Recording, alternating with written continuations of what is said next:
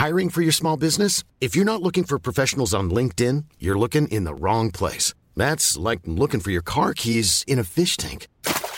LinkedIn helps you hire professionals you can't find anywhere else, even those who aren't actively searching for a new job but might be open to the perfect role. In a given month, over 70% of LinkedIn users don't even visit other leading job sites. So start looking in the right place. With LinkedIn, you can hire professionals like a professional. Post your free job on linkedin.com/people slash people today. Dit programma wordt mede mogelijk gemaakt door Toto. Tony Media. Johan Cruijff. En de goal van Van Hanegem. De vrije trap is voor Hansen. Ja! Hansen met de hak! Dames en heren, hij is sinds 1994 bij PSV. Ronald Koeman. Dat was even de misser. Ronald Waterer. Hallo allemaal en welkom bij het Eredivisie Erfgoed Elftal. De podcastserie waarin wij, de jongens van de derde helft, het allervetste Eredivisie Elftal ooit aan het scouten zijn. We zijn inmiddels aanbeland bij de linksback. En vandaag is de beurt aan Tim, die een hele lange digitale regenjas heeft aangetrokken.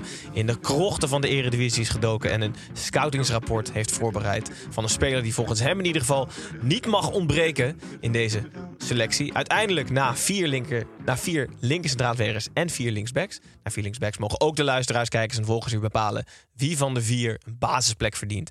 In het allervetste Eredivisie elftal in de geschiedenis ooit. Tim, ik zie een scoutingsrapport voor je liggen. Je hebt hem volgens mij digitaal, heb je hem? Ja. Heel goed, geen bomen gekapt. Nee. Ehm, wat is de titel van je scoutingsrapport? 130 kilo wegende laboratoriumrat van Milanello.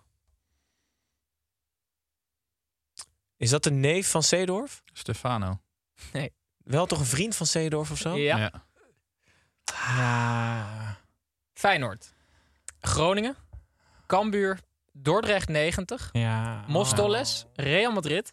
Zamora. AC Milan. AC Legnano. En Calcio Lecce. Vet. Ik weet de naam niet, maar ik weet... Harvey. Harvey Ja, Essayas. Mijn hemel. Veel Also Lekker zeg. Also known as de nieuwe Rijkaard. Ja. Zeker.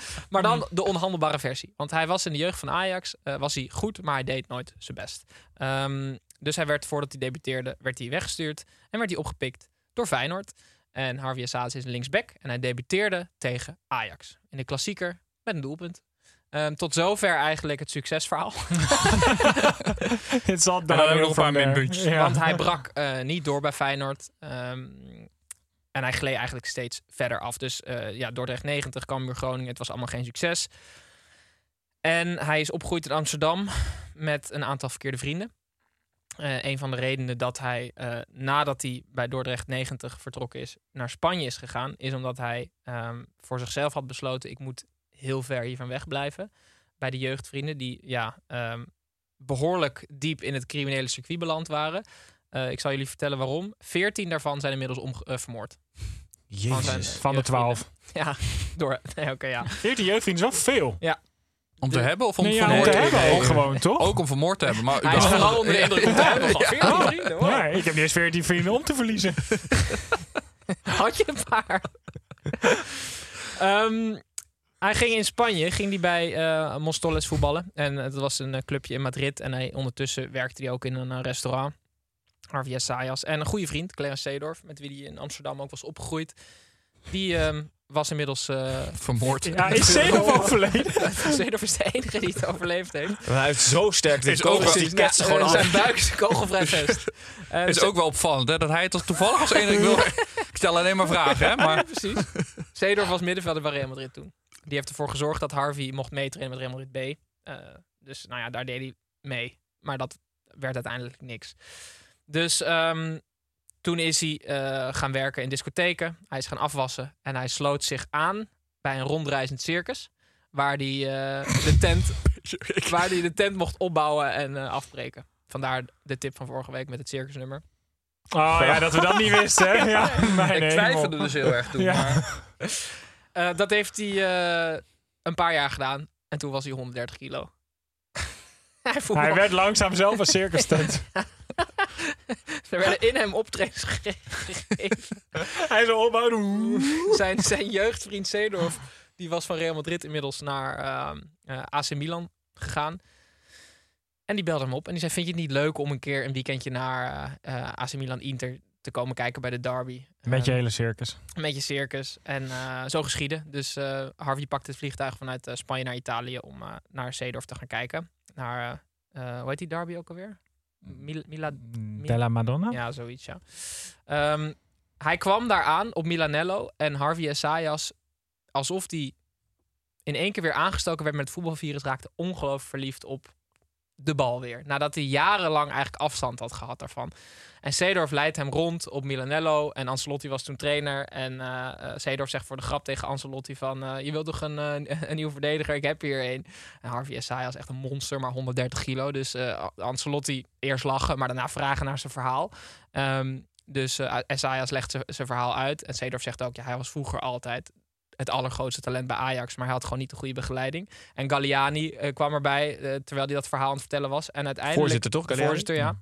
Nou, technisch directeur, toch? TD zou kunnen. En ehm, ehm, zij raakte toch wel best wel eh, onder de indruk van dat verhaal. En Milanello, dat was toen, en dat, dat is Daar, nu nog kan je in een week 40 kilo afvallen. Juist. Ja. En Dus- aankomen ook, als moet. Dus dat is echt het, het eh, ja, state-of-the-art voetballab. En zij zagen in één keer gewoon eh, ja, een perfect experiment van... Mag hey, ik heel, heel, heel even op inhaken? Ja, zeker. Dit is een beetje wel het, het verlossersyndroom dat veel trainers hebben. Hè?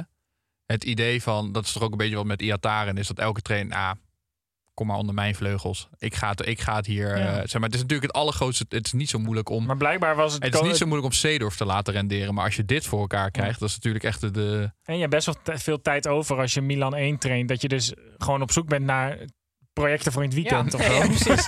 side project. Maar Milanello was al supergoed. Gewoon, en ze waren toch benieuwd van, kunnen we zo iemand eh Een soort medisch, ex- soort medisch Het was experiment. echt een laboratoriumrat van 130 kilo. En, en Ze begon ook met het doolhof met kaasjes, hè? Maar die, maar die, ja, maar die had hij allemaal op. dus hij was meteen geslagen. Hij liep door die muren van het doolhof. Uiteindelijk aangepast, dolf met wortels. eh.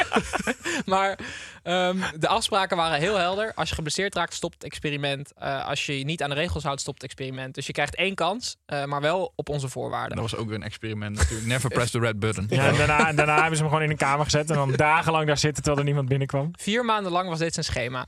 Zeven uur 's ochtends opstaan. Dat is echt prima. Havermout met eh, eiwit en groenten. 40 minuten snel wandelen.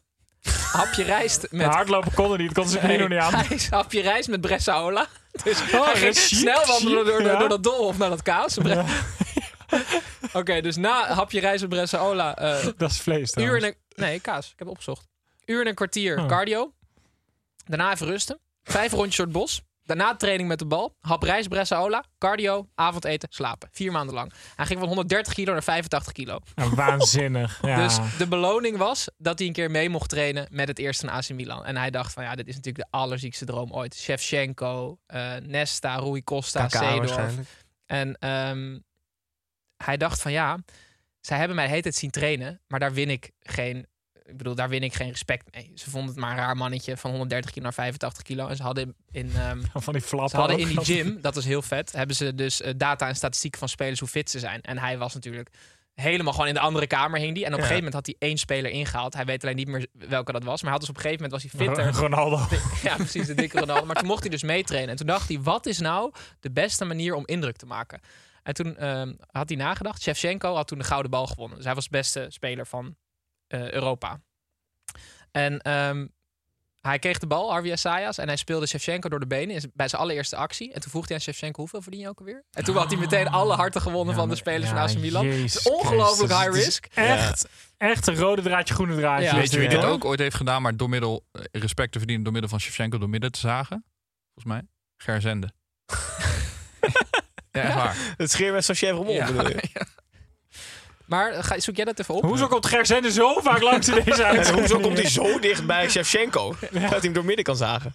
Maar in ieder geval, eh, aan het einde van het seizoen werd hij op het kantoor van Galliani eh, geroepen. En ehm, hij dacht van, oké, ik ga nu met vakantie en dit was een geniaal avontuur. Ze bieden hem een contract aan.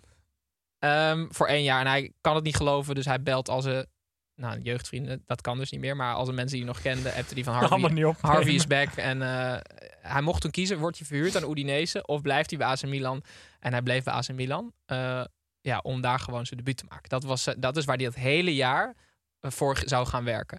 Toen, twaalf maanden nadat hij dus als 130 ja, eh, kilo daar aankwam, eh speelden ze een bekerwedstrijd tegen Palermo. En in de 87e minuut mocht hij invallen voor Ambrosini, Harvey Essayas. En hij, kwam, eh, hij- gaf eh, vijf balcontacten had hij. En een ongelooflijk mooie bal op Thomasson. Wat bijna een assist was, maar Thomasson miste. De droom duurde dus zes minuten en vijf balcontacten. Hij speelde met Stam en Nesta, maar ook met Seedorf en Rui Costa. En ehm, eh, na afloop ging hij op de schouders. En eh, ehm, al die fans, je had Milan Channel. Dat was toen op... eh, dat was gewoon bijna een soort van 24-7 livestream van het trainingsveld. Waar, waar je trainingen van Milan kon bekijken. Maar als ze bijvoorbeeld interlandweekend waren en er was geen trainingen, zagen ze altijd zo'n raar mannetje in zijn eentje op dat trainingsveld. dus hij, niemand wist wie het was, maar ze hadden, wel, ze hadden wel een soort van band met hem opgebouwd. Toen zagen ze hem in één keer debuteren. Dus ja, hij was voor AC Milan eh Het is ongelooflijke cultheld. Het is zo'n camera in zo'n vogelnestje, weet je wel. Maar dan hebben ze hem in dat, in dat, Ja. eh, in dat eh, doolhof van die rat hebben ze zo'n camera opgehangen waar hij dan rondrende. Maar hij heeft dus het debuut gemaakt voor AC Milan. Hij is de 811e speler in de geschiedenis die ooit het shirt van de Rossoneri heeft gedragen. En eh, Harvey Essayas is eh, vereeuwigd in de boeken. En is daarna ja, gaan afbouwen. Maar eh, Hoeveel heeft hij in de Eredivisie gespeeld? ja, heel weinig. Ik denk een wedstrijdje of 30. Maar hij zegt van eh, eh, die zes minuten AC Milan is voor mij meer waard dan tien jaar voor FC Utrecht spelen. Bij wijze van. Ehm, dus eh, Harvey Ja, ja. mag wat mij dit- betreft als linksback niet ontbreken. Ehm, zijn rol is wat mij betreft voor de wedstrijden waarin een remontada nodig is. Dus uit een, een, een uitzichtloze situatie moet Ja. hij de, de spelers motiveren om er bovenop te komen. Ja, of hij kan, als we het stadion verhuren voor concerten, kan hij natuurlijk ook opbouwen. Ja, Ja. dat ook. Op en af. Zeker. En inderdaad voor kampioensfeesten kan hij Catering, natuurlijk ook extra- catering. Ja. catering. Dus hij is eigenlijk eh, zeer Afwassen. Ja. ja. Ja, hij kan ook Ja. afwassen. Ja, inderdaad. Ehm, dus zijn Als we, pluspunt is even- wel... als we van een tegenstander af moeten. Hij is een soort hele zieke Emanuelson. Je is stelde alleen maar vragen. Eh, zo- Oké, pluspunt doorzettingsvermogen. Eh, minpunt toch al wisselvallig. ja. Vet. Dus eh verhaal. Harvey. Essayas.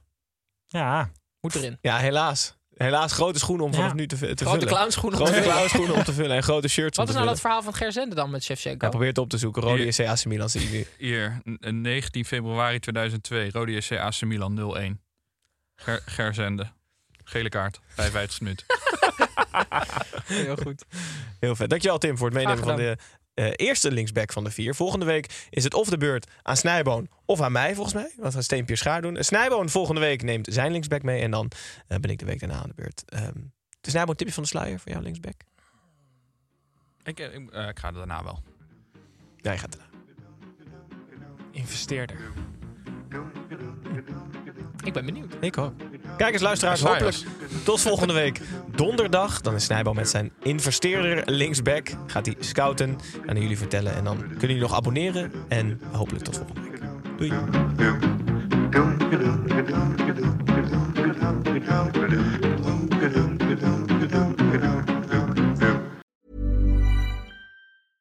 Mom deserves the best, and there's no better place to shop for Mother's Day than Whole Foods Market. They're your destination for unbeatable savings, from premium gifts to show-stopping flowers and irresistible desserts. Start by saving 33% with Prime on all body care and candles. Then get a 15-stem bunch of tulips for just $9.99 each with Prime. Round out Mom's menu with festive rosé, irresistible berry chantilly cake, and more special treats. Come celebrate Mother's Day at Whole Foods Market.